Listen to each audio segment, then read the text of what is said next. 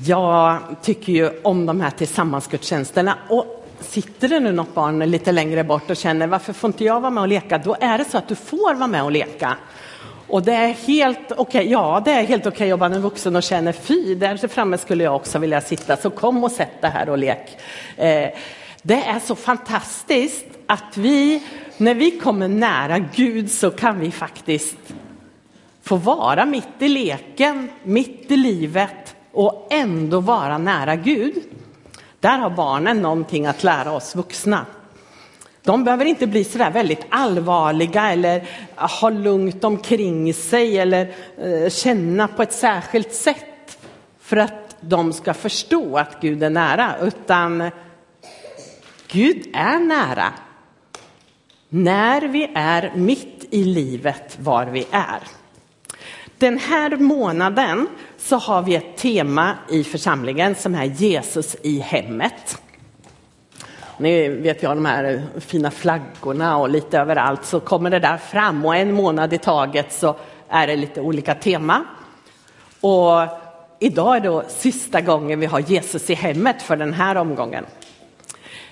Det kommer jag att tala lite om.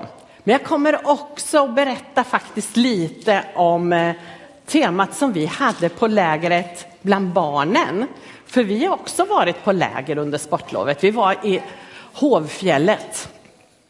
Och där hade vi som tema Vem är jag? Vem är Gud? Och hur ser jag på andra?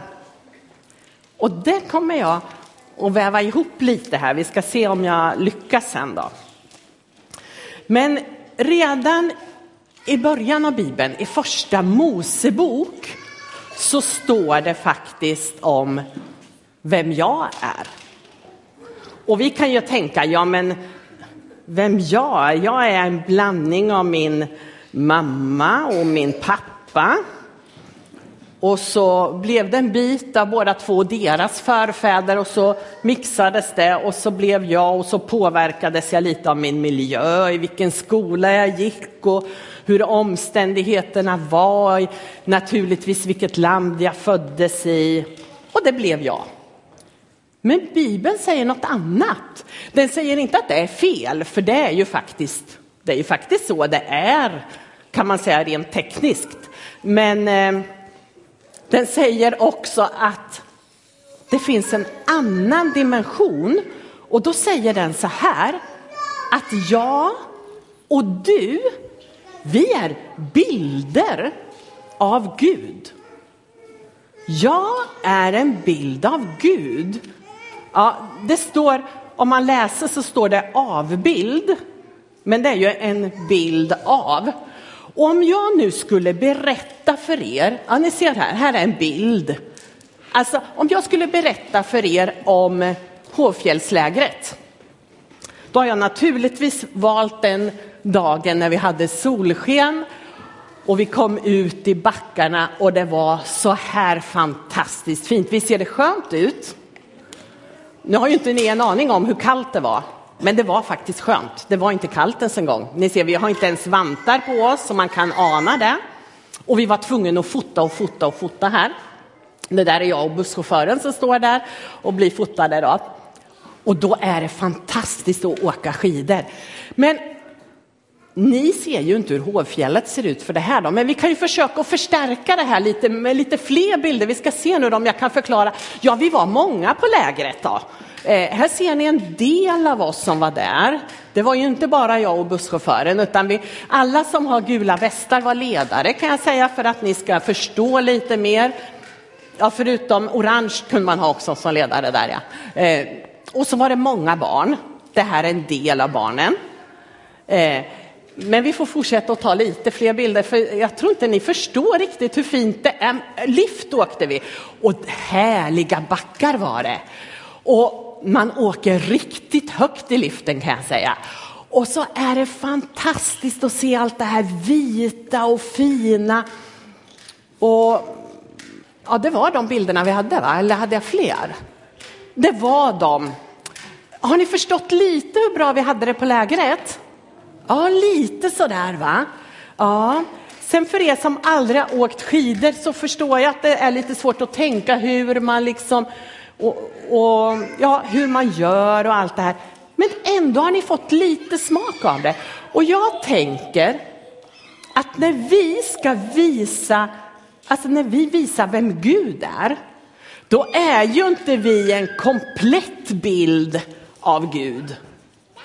Men jag är en bit och du är en bit. Och tillsammans skapar vi någonting så vi börjar ana vem Gud är.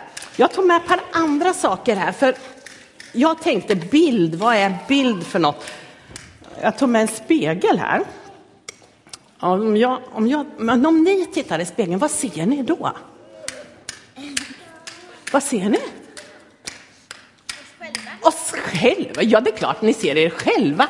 Ja, och det är ju faktiskt så när vi ska spegla Gud Eh, så behöver vi ju se på oss själva också. Vem är jag?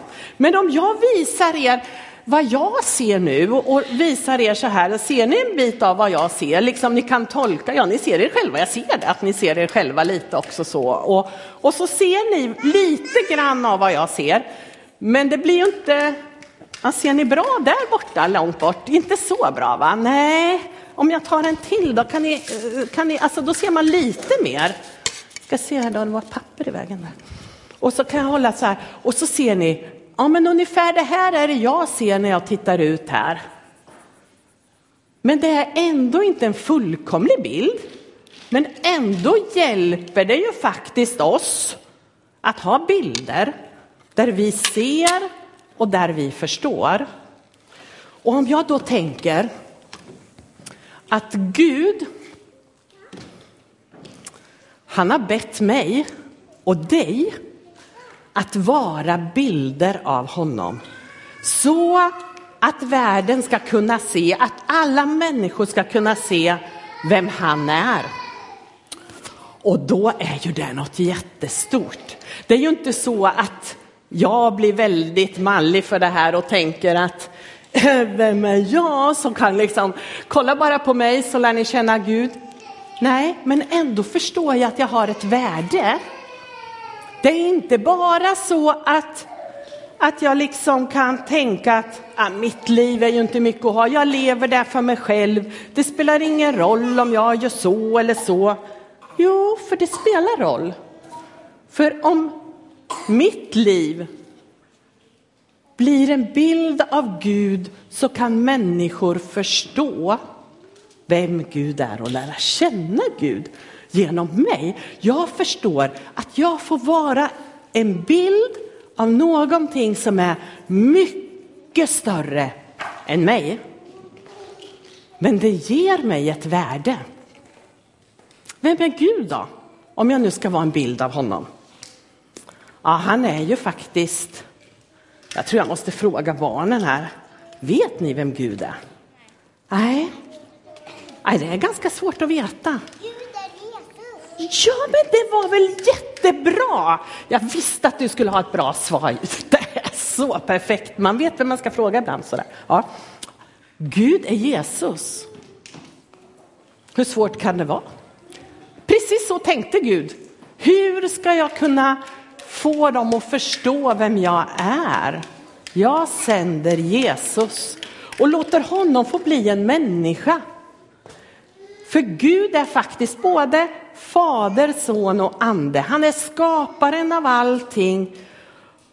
Och så blir han en människa så att vi ska kunna förstå. Och om nu Gud kunde bli människa för att vi skulle förstå, då förstår ju vi kanske att för att människor ska förstå vem Gud är så måste vi vara människor. Vi ska inte bli några små fina änglar som, eh, som liksom aldrig har det svårt och aldrig eh, bråkar och alltid gör perfekt. Nej, det är inte det Gud vill ha. Han vill, han vill att vi ska vara människor. För när vi är sådana här bristfälliga människor som ibland gör fel och, och ibland gör allt, då får han visa hur stor han är. När han genom det kan visa sig. Tänk att Gud kan visa vem han är genom mitt liv. Om ni visste hur mycket dumt jag gör och hur, hur ofullkomligt mitt liv är. Och ändå vill Gud gestalta sig i det. Det är ju för att han är så stor. Ja, i Johannes 3 och 16, nu ska jag kolla, för jag tror att det finns en del, en del av er som inte har hunnit bli så gamla än, som faktiskt kan den här bibelversen. Jag ska se om det är någon här som vet Johannes 3 och 16. Är det någon, alltså ni vuxna kan få räcka upp handen också, alltså är det någon som kan Johannes 3 och 16? Bra, bra. Det är faktiskt en hel del som kan det. Där står det liksom hela kärnan i vad Gud vill säga till oss och jag måste läsa den för er. För jag tänker läsa vers 17 också. Eh, jag ska bara slå upp det. Så här står det. Så älskade Gud världen att han utgav sin enfödde son för att den som tror på honom inte ska gå förlorad utan ha evigt liv. Gud sände inte sin son till världen för att döma världen utan för att världen skulle bli frälst, alltså räddad genom honom. Ja, vilket viktigt budskap. Men hur ska jag då göra för att det ska synas att Gud finns i mig. Ja, vet ni vad jag tänkte? Då tänkte jag på det här med Jesus i hemmet och hur... Har ni den på en skiva? Då kände du igen den nu? Jättebra, perfekt. Jag visste att många av er kunde den här versen faktiskt. Det är nog den mest kända versen i hela Bibeln. Om ni tänker på när ett barn föds, då tänker jag så här att ett barn som föds är en fantastisk avbild av Gud själv. Vilken bild kan bli bättre än ett nyfött barn? Om jag frågar er här nu då, alltså visst kändes det som Gud var nära där?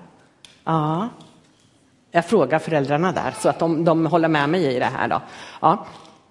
Att då är, då är Gud så väldigt nära. Vad gör det här barnet då? Ja, första uppgiften där är att skrika faktiskt. Så att man ser att det kan andas. Eh, ja, sen gör det inte så mycket mer. Och där tänker jag att det där lilla barnet behöver lära oss att vara en avbild av Gud aldrig någonting vi kan prestera eller göra för att bli bättre. Vi är redan en avbild av Gud genom att vi är människor här på jorden. Men eh, om man tänker då att föräldrarna som ser det här barnet, de lär sig väldigt mycket av vem Gud är. På samma sätt kommer det här barnet, när det växer upp, att av föräldrarna lära sig vem Gud är. När de tittar på sin mamma och pappa, hur de gör och framförallt där de absolut bäst kommer lära sig på vem Gud är, det är när mamma och pappa älskar mig fast jag gör fel Fast jag inte gjorde det där som jag borde ha gjort. När jag har gjort någonting så jag får komma och säga jag vill inte men det blev så där illa. De gångerna så kommer barnet lära sig att det spelar ingen roll vad jag gör. För Gud älskar mig ändå. Att ha en mamma och pappa som älskar mig. Vad jag än gör, hur jag än beter mig, det är inte alla förunnat. Men de som har fått det bär någonting med sig av en bild av Gud som är den absolut största bilden. När vi läste i versen så stod det så här att Jesus kom till världen därför att Gud älskar oss. Han kom faktiskt inte för att döma världen, alltså säga nu har du gjort fel. Nej, det var inte hans intresse. Men en gång så kommer Gud att döma världen utefter det vi har gjort. Men det är inte den stora bilden av Gud. För det står så här att kärleken är mycket större. Och vi behöver inte gå och vara rädda för Gud. För Gud har redan betalat priset för det som vi har gjort fel. Så vi kan vara fullkomligt trygga i att Gud älskar oss. Att han vill ta emot oss, att vi får finnas med i hans stora öppna famn. Ja. En liten sån sak till er föräldrar nu då, när vi talar om Jesus i hemmet. Det största du kan ge dina barn. Och nu säger jag det faktiskt även till er som är äldre och har vuxna barn. Det största du kan ge dina barn är att visa att du älskar dem även när de inte väljer den väg du skulle önskat att de valde. Även när de inte gör precis som du hade hoppats att de skulle göra. När du då fortsätter att älska, när du då bara omfamnar dem med din kärlek. Då är du en avbild av Gud för dina barn.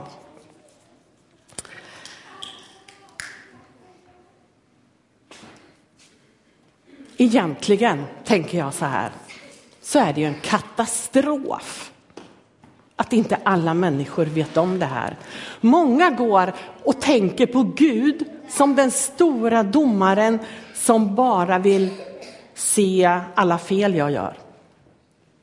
Och då har man missat hela poängen varför Gud skapade världen. Och det är en katastrof. Och nu ska jag läsa ett lite längre stycke för er. Ska vi se om det kan finnas en del saker ni känner igen i det här också då. I första Johannes brev. Ska vi se här så jag säger rätt i kapitel 4 från vers 9 och så framåt. Så ska jag försöka läsa tydligt så att ni hänger med. Så uppenbarades Guds kärlek till oss. Han sände sin enfödde son till världen för att vi skulle leva genom honom. Kärleken består inte i att vi har älskat Gud utan att han har älskat oss och sänt sin son till försoning för våra synder. Mina älskade, om Gud älskade oss så högt är också vi skyldiga att älska varandra. Ingen har någonsin sett Gud. Om vi älskar varandra förblir Gud i oss och hans kärlek har nått sitt mål i oss. Vi vet att vi förblir i honom, alltså blir kvar i honom och han blir kvar i oss Därför att han har gett oss av sin ande. Så säger Johannes att vi har sett det och vittnat om att Fadern har sänt sin son som världens frälsare. Den som bekänner att Jesus är Guds son, i honom förblir Gud och han själv förblir i Gud. Och vi har lärt känna den kärlek som Gud har till oss och tror på den. Det gör vi ju. Vi tror på att Gud älskar oss. Gud är kärlek och den som förblir i kärleken förblir i Gud och Gud förblir i honom. Nu är det mycket där fram och tillbaka, förblir i, blir kvar i och, och allt det här. Men det kommer lite till. I detta har kärleken nått sitt mål hos oss. Alltså mål, då är man hemma, då är man framme, då är det klart. När tycker tycker Gud att det var värt att sända Jesus som bevis på sin kärlek. Att vi är frimodiga på domens dag. Hörde du det där? Alltså, när vi inte går och är rädda för att Gud ska döma oss, utan vi är frimodiga inför att Gud har all makt och han kan säga du gjorde fel, han kan behandla mig hur som. Men för som han är, sådana är också vi i den här världen. Och så står det, rädsla finns inte i kärleken, utan den fullkomliga kärleken driver ut rädslan. Rädslan hör ju samman med straff och den som är rädd är inte fullkomnad i kärleken. Alltså finns det ingen orsak att vara rädd för Gud. Nu ska jag fråga en liten allvarlig sak här till barnen bara. Så här, har ni någon gång varit rädda för mamma och pappa? Nej, nej, nej. Var, varför? Men om ni har gjort fel någon gång då? Har ni blivit rädda då eller? Nej, inte som ni kommer ihåg. Vad skönt, hörrni. Har du varit rädd för mamma och pappa någon gång? Ibland. När är det då?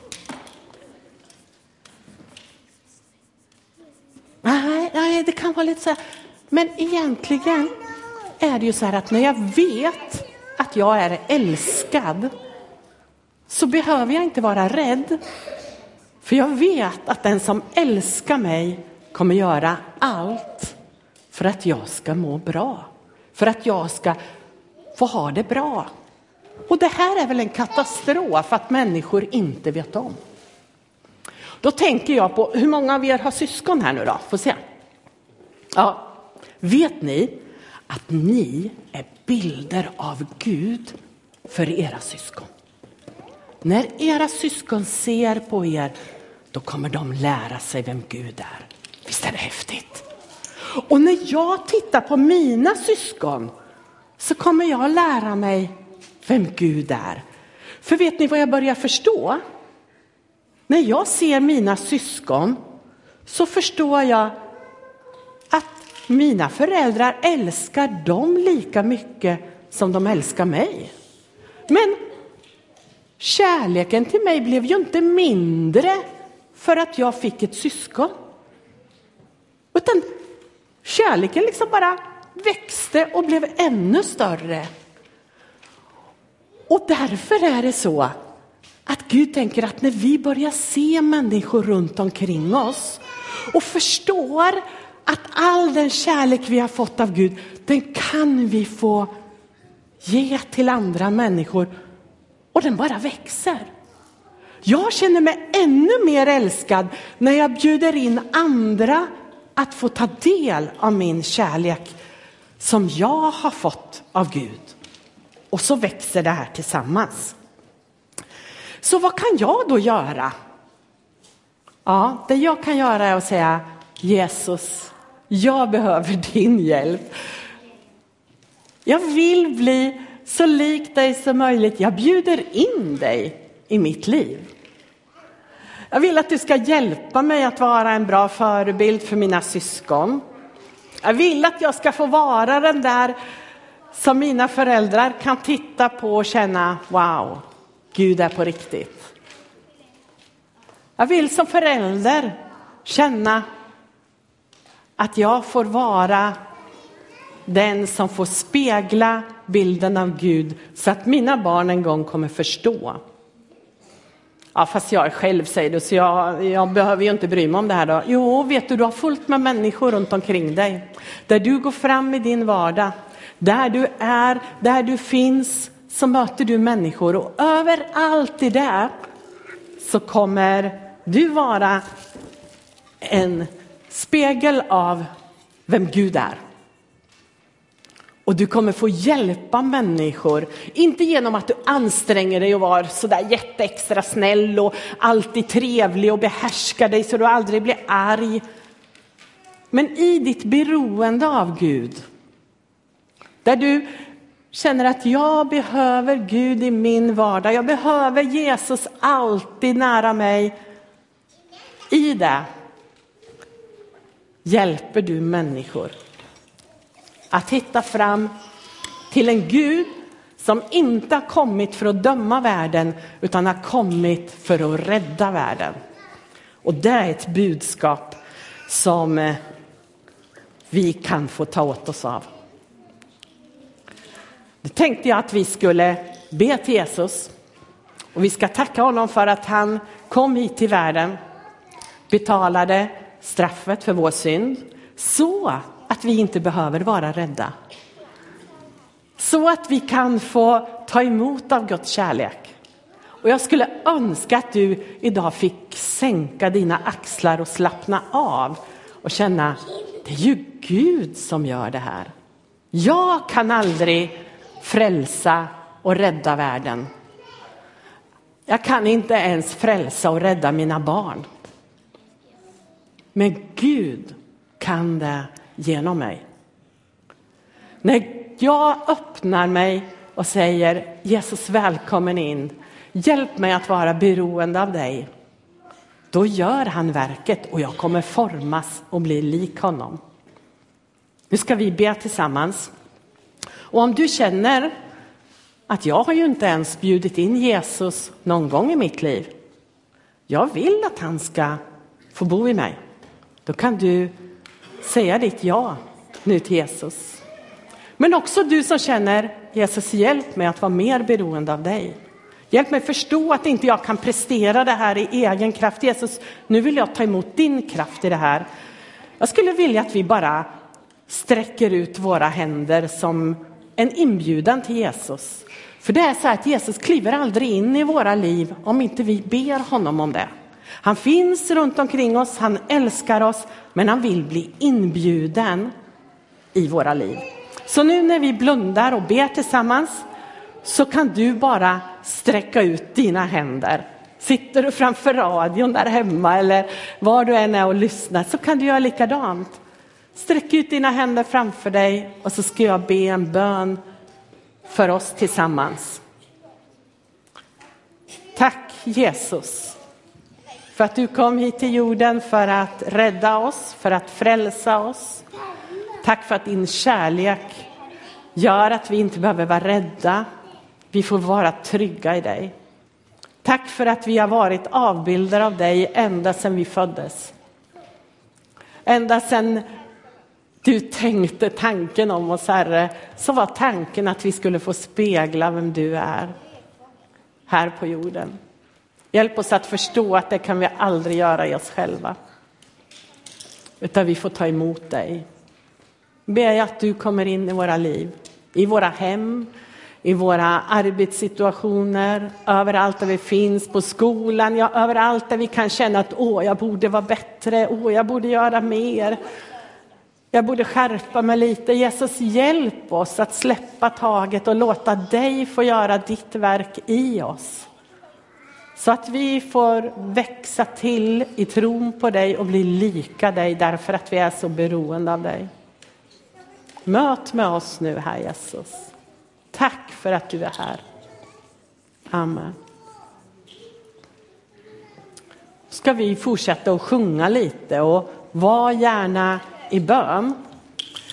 Vill du ha hjälp att be för det här? Ibland kan det vara så här att hjälp, jag kommer inte loss ifrån de här kraven jag har. Jag kommer inte loss ifrån att jag borde göra någonting.